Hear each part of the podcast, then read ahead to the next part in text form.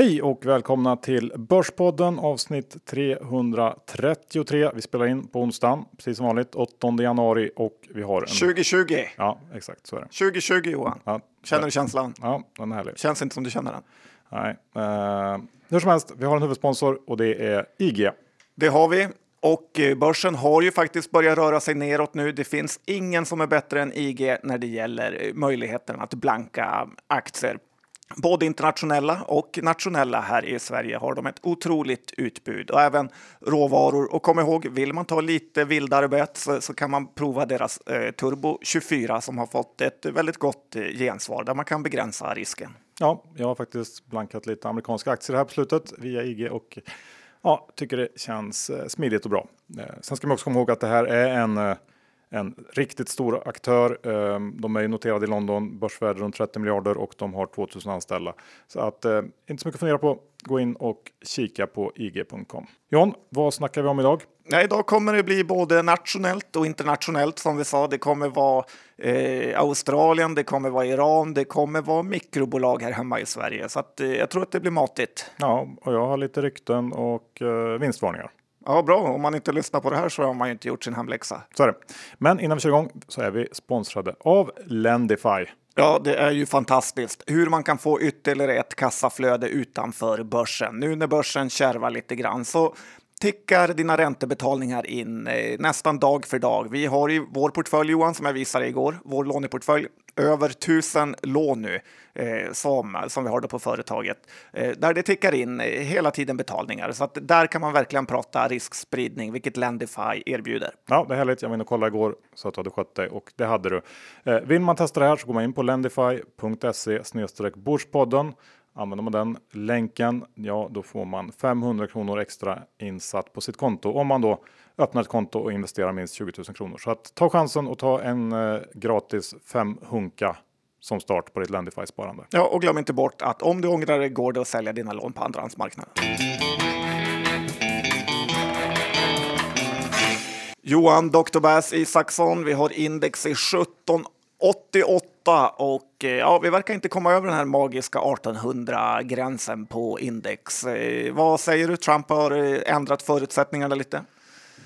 Nej, så, så är det, men samtidigt får man ju säga att det är ganska starkt givet att det har blossat upp en hel del geopolitisk oro på slutet så att, att vi ändå eh, bara kommit ner eh, några tiotals punkter är ju, är ju väldigt starkt får man ju säga.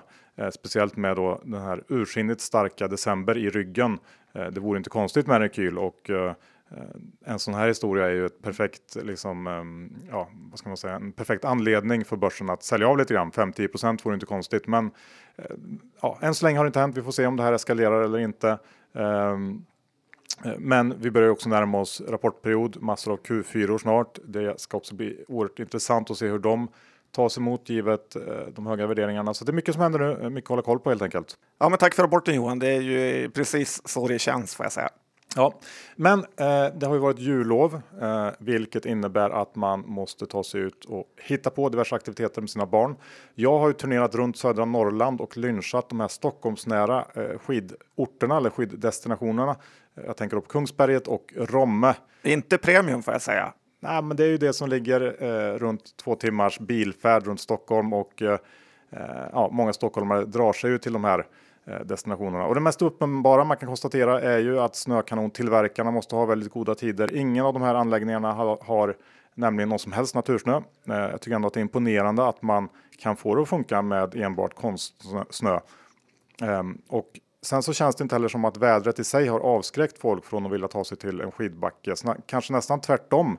För det var eh, knökfullt på bägge de här två Eh, ställena och det finns uppenbarligen något slags uppdämt sug efter att åka skidor och det är väl det är väl rimligt i sig efter den här usla vintern så att min spaning från det är väl helt enkelt att det här är eh, Bull Skistar. Eh, just eftersom det har varit så kass vinter så folk vill ta sig iväg. Ja, och eh, man får ju komma ihåg att i Östersundtrakten, Åre med Sälen, så har det ju varit väldigt mycket snö. Så jag tror inte de har fått behöva betala så mycket för snökanonerna. Däremot, eh, som du säger, så titta lite på Tour de Ski och eh, där i Alperna fanns det ju inte en enda riktig snöflinga. Så att fanns det snökanon ETF, Johan, så hade det nog bara varit att lasta in pengarna där. det tror jag med. Ska ändå lägga in en liten brasklapp här. Jag skulle vara lite orolig om jag ägde en sån här skidanläggning som ligger sig söder om Sundsvall. Eh, krävs ju inte så mycket varmare klimat för att det inte ska gå att rädda vintrarna med snökanoner. Så det, Romme är ju till exempel en, en ort eller en destination som har investerat väldigt mycket i snökanoner och investerat mycket generellt så att det känns som att eh, jag vet inte hur lätt en sån skulle vara att sälja i dagens läge. Nej, och jag som åkte lite mer till norra Norrland eller Umeå-trakten så var ju som du säger backarna i Sundsvallsområdet helt utan snö. Så att, eh, ja, lite synd om dem. Ja. Eh, John, hur är det här med börsen allt eller många säger att det är ju inte pengar är inte allt. Nej, det är det inte, men man kan också säga att börsen är större än livet eh, själv. Jag läste på en blogg här att om du köpte en aktie Coca-Cola vid börsintroduktionen 1919 eh, för 40 dollar så har man nu 170 miljoner kronor eh, om man återinvesterat utdelningarna, alltså 1919, 101 år sedan idag. Men grejen är ju att alla som investerade då är döda och förmodligen många av barnen till de som investerade är också döda. Kanske till och med barnen är döda. Eh, men lyckas man plantera ett sånt här aktiefrö tidigt som ingen rör eh, så kan man verkligen få se, eller i alla fall från himlen, ett sånt här aktieträd växa upp. Eh, och det vill man förstås.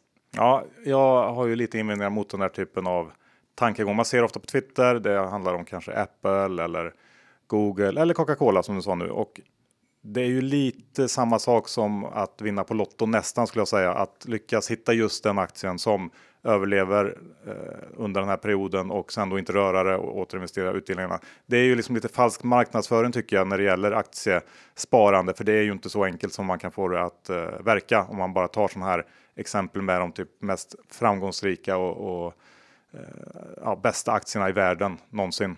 Nej, men det blir lite som att titta på tusenåriga ekar, att eh, 99,99 procent av alla är redan nedhuggna eller har dött eller blev inte mer än ett eh, löv på marken, medan några få har växt upp. Men det är ändå intressant att se att eh, det finns sådana otroliga pengaackumuleringar som kan hända.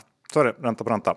Ehm, Australien John, eh, när du pratar om träd, det brinner ju där. Ja, jag vet inte om de har några träd kvar faktiskt, men eh, innan man tycker för mycket synd om australiensarna så ska man ju veta att det här är ett av de eh, länderna som har motsatt sig alla typer av miljöavtal och dessutom är de största miljöbovarna med utsläpp av dåliga saker i luften. Och det hänger väl ihop att man dissar avtal och är en syndare själv, så man ska komma ihåg det.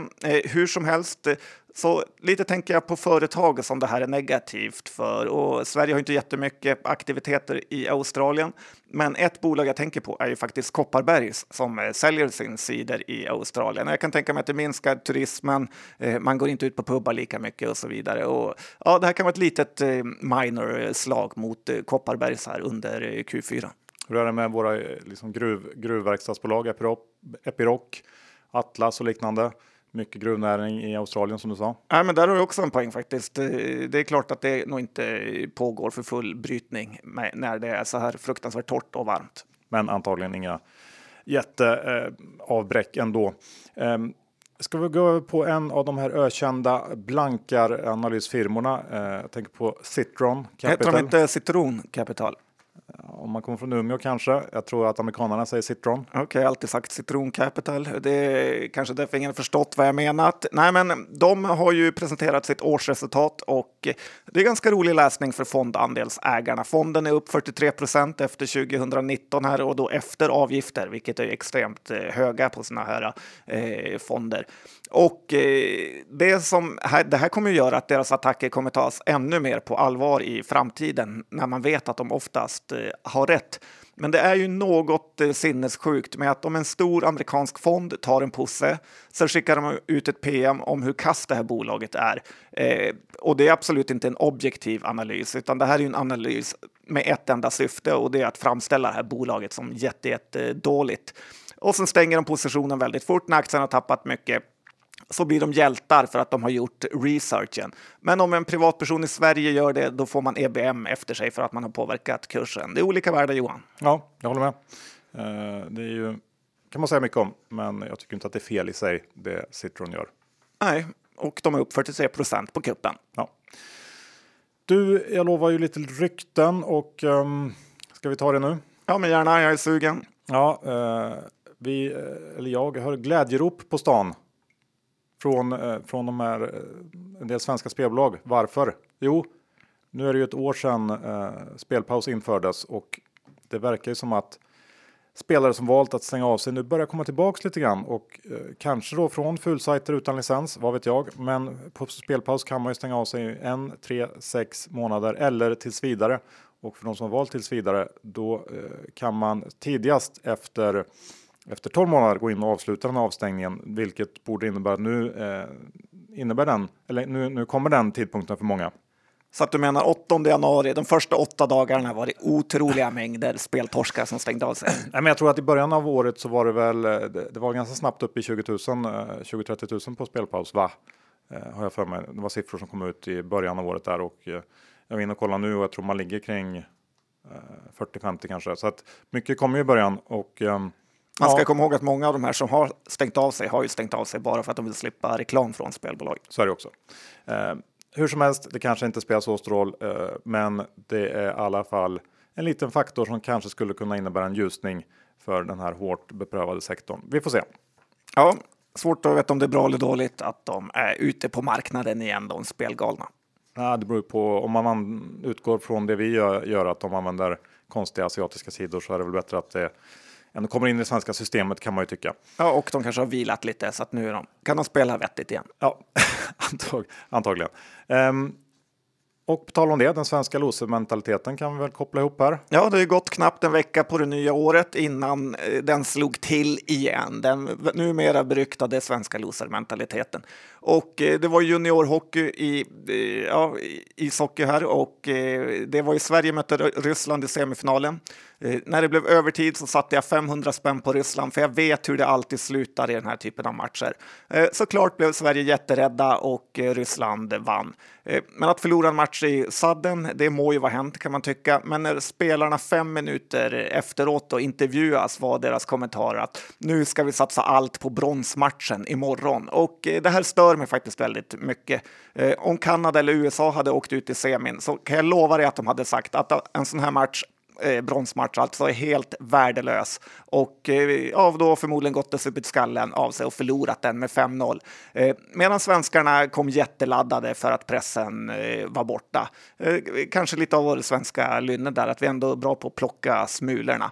Eh, sen är jag också imponerad över hur bra eh, Leo Vegas mobilapp är och eh, hur lätt det är att lägga spel i mobilen här. Så att jag tror ändå, trots allt, press på eh, hela spelbettingbolagen eh, så eh, tycker jag ändå att Leo har någonting, måste jag säga.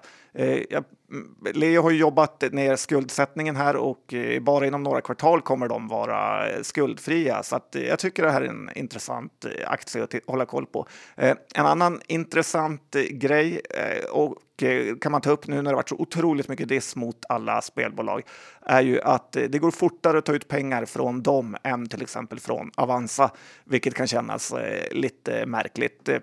Och över, överlag så kan man väl tycka att våra banker kan shapea upp sig lite. Det ska inte ta en dag att flytta pengar när det går fem, på fem minuter för en speloperatör. John, något som är väldigt kul är att Revolut hänger med oss även in i 2020 och som vi sagt innan, eh, det här är ett kort kopplat till en app med över 20 olika unika funktioner eh, Revolut har bland annat GPS-säkerhet på korten och det betyder ju att eh, kortet går endast att använda där du är. Det är smart. Man kan koppla det till Apple Pay, man kan donera i appen, skicka pengar på några sekunder globalt, alltså en global Swish-funktion och även ha virtuella kort som gör det säkrare med online-betalningar. Och vi eh, är ju båda väldigt imponerade av Revolut, eh, använder deras metallkort, eller hur John? Jajamän, och jag tycker det är sinnessjukt att man betalar med sitt vanliga debitcard överallt och har möjligheten att bli skimmad. Ja, så eh, om ni tycker att det här låter intressant, gå då in på revolutburspodden.se revolut Då får ni hem ett sånt här standardkort helt utan eh, kostnad plus då extra 100 kronor vid första köpet. Så att det är bara att testa. Gå in och klicka hem ett kort. länken finns på Twitter med. Ja. John, nu när det är lite oro på marknaden kan vi fundera. Vad ska man köpa? Vad ska man sälja? Ska man göra något överhuvudtaget? Vad säger du? Ja, men det är väl det vi jobbar med att göra något varje dag. Det finns ju alltid pengar att tjäna på börsen och och eh, ja, Irakkrisen som förvärras ju typ varje natt eh, man vaknar upp så har det hänt något och eh, sen har vi haft en lång uppgång. Det kan trigga såna hetsiga vinsthemtagningar och så har vi räntan på noll. Så det ligger ju lite upplagt här för att vi skulle kunna få en chock.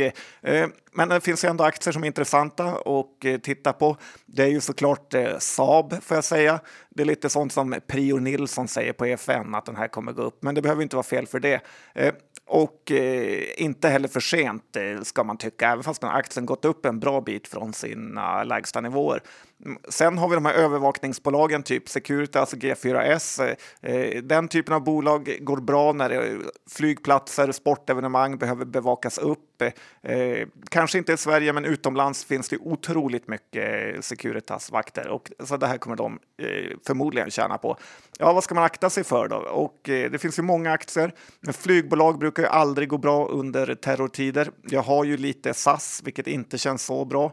Eh, men eh, ja, och sen har vi de här eh, räntorna brukar också gå upp under orostider och då är ju preffar också något som inte är stabilt överhuvudtaget. Dessutom har ju många preffar dålig likviditet och då kan det gå fort nedåt. Ja, men jag håller med om det där. Saab har vi pratat om en del och som du sa, den har kommit upp lite grann. Men det blir ju en spännande Q4 för Saab också, för det är då man ska leverera stora delar av det kassaflödet man pratat om hela året och den här aktien är ju också vad jag förstår fortfarande rätt högt blankad så att om de bara levererar så tror jag att den skulle kunna bli en riktigt fin eh, vinnare under Q4 rapportperioden där. Den, den håller jag lite utkik för. Ja, gör det. Ja. Eh, och på tal om att det snart är rapportperiod, det innebär också att eh, om man inte når upp till förväntningarna då ska man vinstvarna och vi har fått ett par sådana här i inledningen på året. Jag tänkte börja med XXL som var först ut. Jag tror på årets andra dag redan så levererade de sin vinstvarning och man får säga att den här usla vintern har skördat sitt första offer, för det är den som XXL skyller på. Eh, det har i sin tur drivit på utförsäljningar och like för like försäljningen för kvartalet landar faktiskt på horribla minus 12% Det är inte bra. Eh, och den här lägre försäljningen får också med sig att leverantörsbonusar blir lägre än väntat. Jag tror att det var nästan 100 miljoner norska som de gick miste om genom lägre försäljning, så den biten är också viktig. Det tänker man inte alltid på. Och det går helt enkelt inte bra just nu för XXL. Aktien tappar nästan 30% på två dagar efter det här, men studsade upp igår. kom ju en nyhet att uh, Europris vd Paul Wibe har rekryterats som ny vd för XXL. Det känns ju som en bra rekrytering kan jag spontant tycka utan att veta så mycket om honom. Ja, jag tycker också att jag vill lyfta ett finger för Europris. Man ska titta på den aktien. Lågpriskedja i Norge kan vara eh, väl värd att investera i. Ja, eh, jag håller med. Ehm, men vad ska man nu tro om den här aktien vi diskuterar XXL? Ehm, det är någon slags perfekt storm för det är inte bara resultatmässigt som motvinden eh, blåser hårt utan även PR-mässigt. De har haft chefer som varit ute och gjort bort sig i media och ja, uttalat sig konstigt och eh, ja, dålig press har de också fått. Så att det, det press från båda håll. Vad tror du? Om? Ja, Hello Shorty är väl ett eh, bra exempel på hur man kan göra bort sig. Och eh, det känns ju ändå som att jag har fått alldeles för lite cred i Finanssverige över att jag under en lång period bäsar den här när det gick eh, bra för dem. Då pratar vi om att eh, de här ladorna, Brommablocksladorna, omöjligen kan vara värda 250 miljoner styck. Eh, och nu har facit kommit att det var de inte. Nej, men jag kollar faktiskt lite på det där och nu är faktiskt snittvärdet per butik eh, skuldfritt då, på eh, 40 miljoner norska. Eh, det är ju en ganska stor skillnad mot de här 250 du snackade om, om det nu ens var det. Man vet ju ja, det var det med dig. Eh, det kan ha, men i alla fall. Det, ord svårar. Nu, nu är det 40 miljoner, vad tycker du om det då? Nej, men jag tycker att viss, typ Bromma Blocks-butiken är ju värd det, men många butiker i mindre städer är inte värdare. Eh, så att, eh, ja, och det är ju ingen lätt eh, konkurrens de har här. Alla på nätet vill åt dem, men såklart får vi att någon av de här stora, typ Intersport, också faller så ja, kanske det öppnas upp. Ja, men det finns en intressant detalj är att som jag sa 40 miljoner norska per butik och då ska man eh, också ha med sig att de har ett snittlager på ungefär lika mycket eh, per butik. Eh, så att det, det, aktien har ju gått fruktansvärt dåligt så att det är ju ganska lågt värderat nu får man säga. Man har ju också varit ute och sagt att man aktivt ska få ner lagret med en tredjedel tror jag ungefär, vilket skulle frigöra en hel del kapital får de ordning på det. här Och sen har de också en stor, ganska stor online-del. Ehm, jag tror en och en halv dryg miljard norska som omsätts på den varje år. Så att ehm, det finns ju en del intressanta detaljer i det här om man bara skulle kunna få lite ordning på det. Nu är det ju eh, turnaround case är ju notoriskt svåra att lyckas med. Framförallt men, i Norge, a.k.a. ren konkursnord. Ja, så är det ju. Eh, men det, det finns. Eh, det är svårt att kanske korta den här aktien nu kan jag tycka, givet hur låg värderingen är. Eh, och hur lite som krävs antagligen för att få upp den rejält. Eh, sen finns ju också Altor där i bakgrunden som största ägare. Jag tror de har runt 20% nu. Eh, de, det är ju inte omöjligt att de väljer att plocka ut det här vid något tillfälle. Nej, vi såg ju på Kappahl att eh, storägarna plockade ut det eh, trots att ingen, riktigt vänta, ingen väntar sig det riktigt. Så att, eh, absolut, det är nog kanske en väldigt stor chans. För personligen kan jag ändå känna att jag handlar nog när jag köper sportgrejer så handlar jag ganska ofta på XXL ändå. Jag går ju eh, dit för jag går till eh, någon av de här gammelkedjorna, de svenska Stadium eller eh, Intersport till exempel. Ja, absolut. Jag håller med om det. Jag har också handlat under julen på XXL. Ja, ja i alla fall ett intressant läge. gillar man härvor så kan man gräva där. Men bättre att köpa på 13 kronor än på 90. Så är det verkligen. Jag kan väl ta årets andra vinstvarning direkt som jag tänkte prata om idag. Det är ju Veoneer, typ vinstvarning i alla fall. De var ju, eh, eller man kan ju börja med att säga att de, de har ju börjat göra den här typen av besvikelser till en vana. Det har inte varit många kvartal sedan avknoppningen från Autoliv som eh, man inte har behövt justera prognoserna åt fel håll och nu eh, då var man ute och sa att orderingången för 2019 har varit lägre än väntat och det beror på försenad orderingång. Eh, det är också ett sätt att uttrycka det på. Eh, Veoneer räknar nu med att återgå till tillväxt organiskt sett under andra halvåret 2020 och man får bara konstatera att det är väl ganska uppenbart att den här självkörande hypen var extremt överdriven eh, på kort sikt och att allt tar längre tid än vad man tror. Någon gång kommer det här bolaget säkert att bli intressant, men det är svårt eh, att se att det ska vara i närtid tycker jag.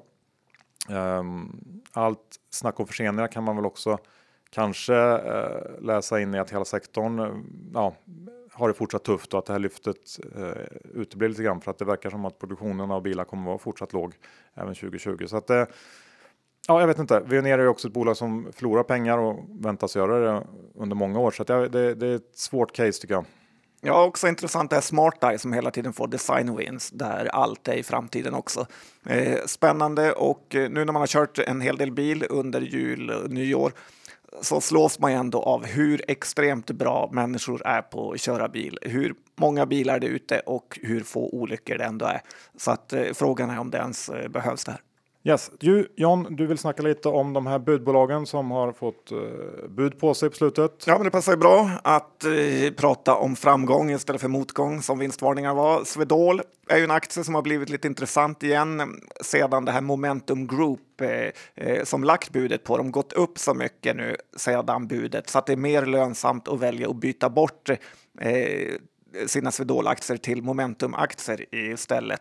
Och eh, ja, istället då för att ta cash-erbjudandet på 46 och eh, 50. Eh, det här kan ju ändras fort, men det är ändå värt att notera tycker jag om man sitter med en massa Swedol-aktier. Dessutom så har man dem inte i en ISK eller kapitalförsäkring så kanske man inte vill utlösa skatten och då är det också bättre att göra ett byte. Yes.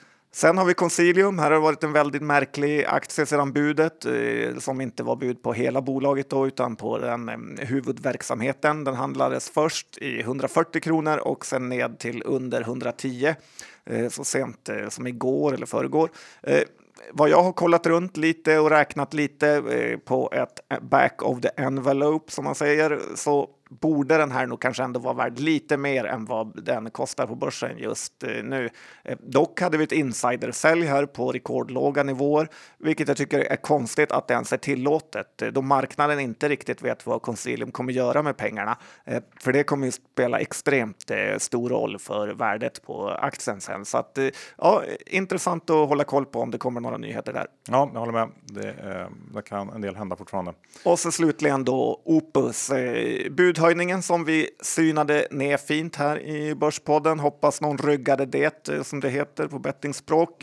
Eh, nu på morgonen så accepterade ju största ägaren budet och eh, de kanske fick lite kalla fötter över allt som händer i omvärlden.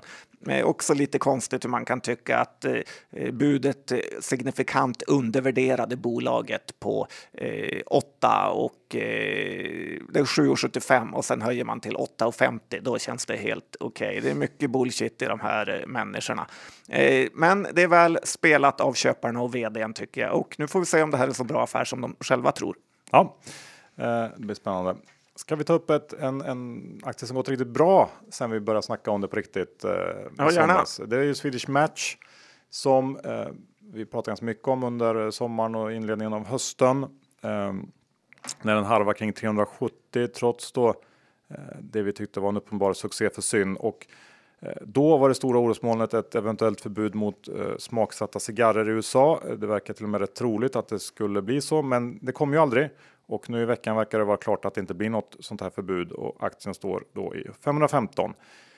Eh, upp 40 då helt enkelt på några månader i ett jättebolag. Det eh, är ju lite surt. Eh, själv eh, ägde jag ju men sålde med, med tanken att köpa tillbaks billigare på, eh, på ett FTA-förbud. Men eh, det är ett bra exempel på att man kanske inte ska oroa sig för mycket i onödan eh, för saker man inte vet någonting om. Nej, du hade inte varit en av de här som hade ägt eh, Coca-Cola från 1919 om du var 140 liksom, år gammal.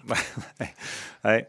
Ja, ja, hur som helst kul att aktien uh, har gått bra, att man på något sätt ändå var rätt ute. Du kanske vill ha lite synpunkter från mig? Ja. Ja, tack. Kändes som att du inte ville det. Men jag har ju fortsatt lyncha Syn. Alla säger att Lyft går bättre. Däremot verkar Syn ta andelar och jag har sett på flera ställen har de installerat egna eh, Syn-kylar då och som har fått otroligt bra plats i, på olika bensinmackar.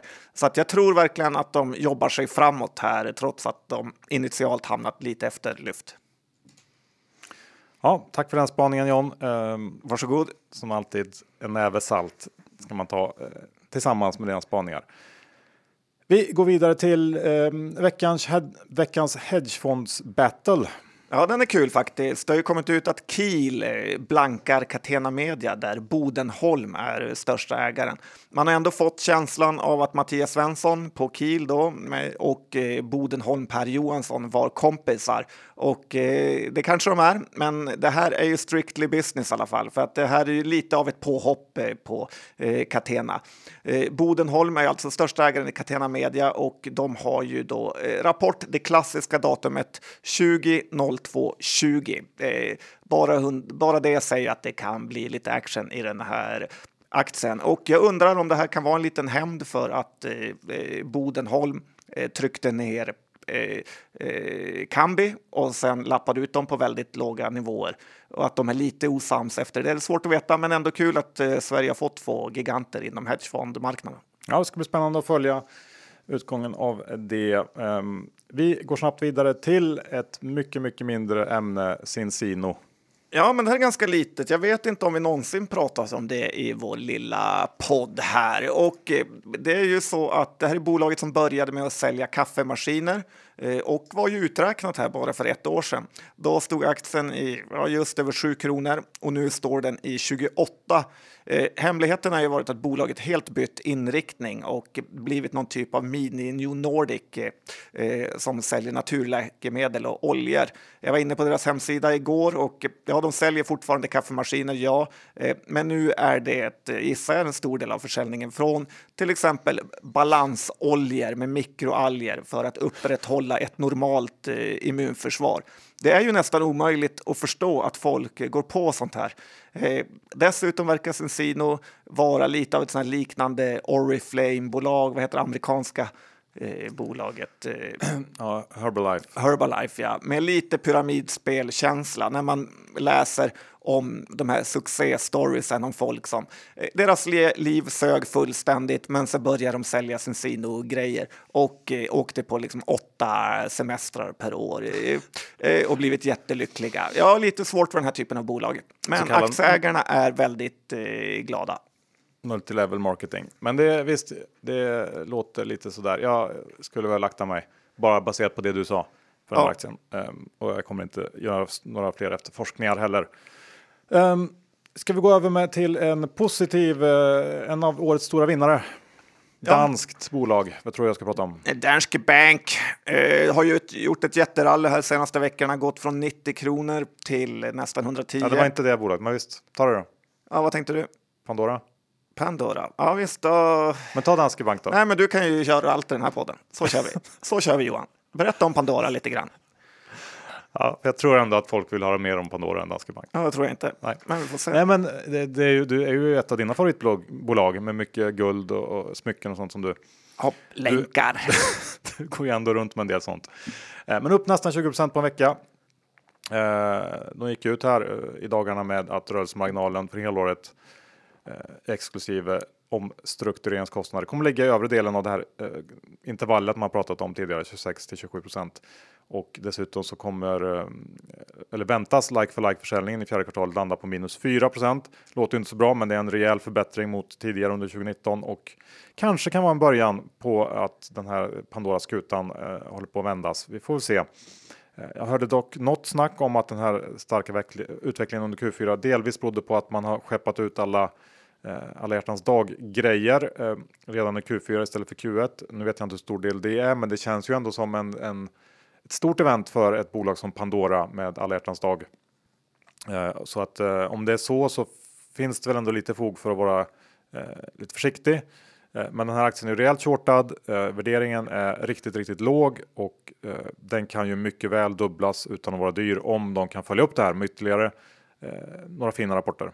Ja, jag var ju i en eh, Pandora-butik i London som var helt eh, fullsmockad med folk och personalen sa att det berodde på att de hade eh, sänkt priserna lite nu inför någon högtid, om det var julen eller så. Så att, och det hade de aldrig gjort förut, vilket hade gynnat försäljningen. Men den var verkligen fullsmockad med folk. Okej, ja. jobbigt för dig om du skulle komplettera ditt armband med nya belocker. Ja, Umeås drag queen har inte råd med mer.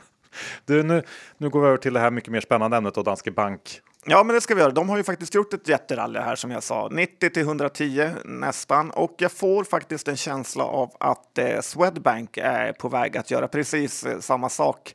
Eh, inga fler skandaler har kommit fram.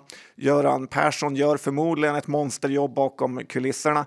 Eh, grejen är att jag faktiskt hört folk som jobbat i samma styrelser som Göran Persson och de säger att de aldrig varit med om någon som har bättre koll än vad han har. Han är påläst om precis allt eh, och eh, 140 spänn för Swedbank eh, är ju inte jättelångt ifrån bort botten värderingsmässigt eh, och eh, bolaget eh, är ju väldigt billigt även om banker aldrig värderas eh, högt. Eh, egentligen är ju enda, de enda gångerna man ska köpa banker är ju när det hänt något dåligt eh, för då kan de eh, gå upp igen. När de bara tuffar på så ska man sälja för att uppsidan inte finns där. Så vore jag en Sverigefond så hade jag lastat in Swedbank just nu. Ja, intressant spaning ändå. Jag, gillar det lite contrarian-aktiga i det och ehm, ja, varför inte? Och det är ju också en sektor som skulle kunna, om man nu ska leta, eh, försöka hitta anledningar till att börsen ska gå upp. Eh, bank har ju underpresterat brutalt ett tag nu så att eh, det är ju en sektor som fortfarande skulle kunna ha lite bränsle i sig om eh, man nu eh, ändrar syn på de här aktierna. Så visst. Slut på avsnitt 333. Mm, Härligt avsnitt tycker jag. Ja, det var det. Hoppas någon annan tycker det. Vi tackar IG, vår huvudsponsor. Ja, nu när det är rörigt på marknaden så är det kul att ha en trading-app. Det går att göra pengar, det går att förlora också. Men framför allt så håller man sig uppdaterad. IG.com. Ja, vi tackar också Lendify. Gå in på lendify.se Börspodden om du vill få 500 kronor insatt på ditt konto om du då startar konto och investerar minst 20 000 kronor. Ja, bli din egen bank. Precis. Och sist men inte minst, Revolut. De hänger med oss in här i 2020. Vill ni skaffa ett eh, Revolut-kort, vilket ni vill antar jag, så går ni in på revolutbordspodden.se revolut. Där kan ni ja, signa upp er och få hem ett sånt här kort, eh, ett standardkort helt gratis eh, och då få extra 100 kronor insatta på det här kortet så fort ni aktiverar det. Inte heller så mycket att fundera på. Det är ju ett kort som är överlägset det mesta andra annat som finns ute på marknaden. Ja, även om man hatar allt så är det ändå 100 gratis spänn som man kan. Ja, det är dumt att tacka nej till. En lunch i alla fall. Ja, så är det. Bra och eh, innehavsredovisning, hur var det med det? Ja, men nu har jag ganska mycket, men börja du så jag hinner tänka igenom. Ja, men jag tror inte jag har något av det vi har pratat om egentligen. Okej, okay, tack för ehm. betänketiden. Eh, jag har lite Leo Vegas. Jag har lite Concilium. Jag har eh, någonting mer här hade jag för mig. Men eh, ja, det är de två. Kambi tror jag att jag sa något också. Har jag också lite. Ja, det har jag också, men det tyckte jag glömde. Okej, okay. mm, då säger vi så. Bra, men då var det avklarat. Uh, vi tackar för oss John. Ja, men det gör vi. Det var kul att vara med. Hej då!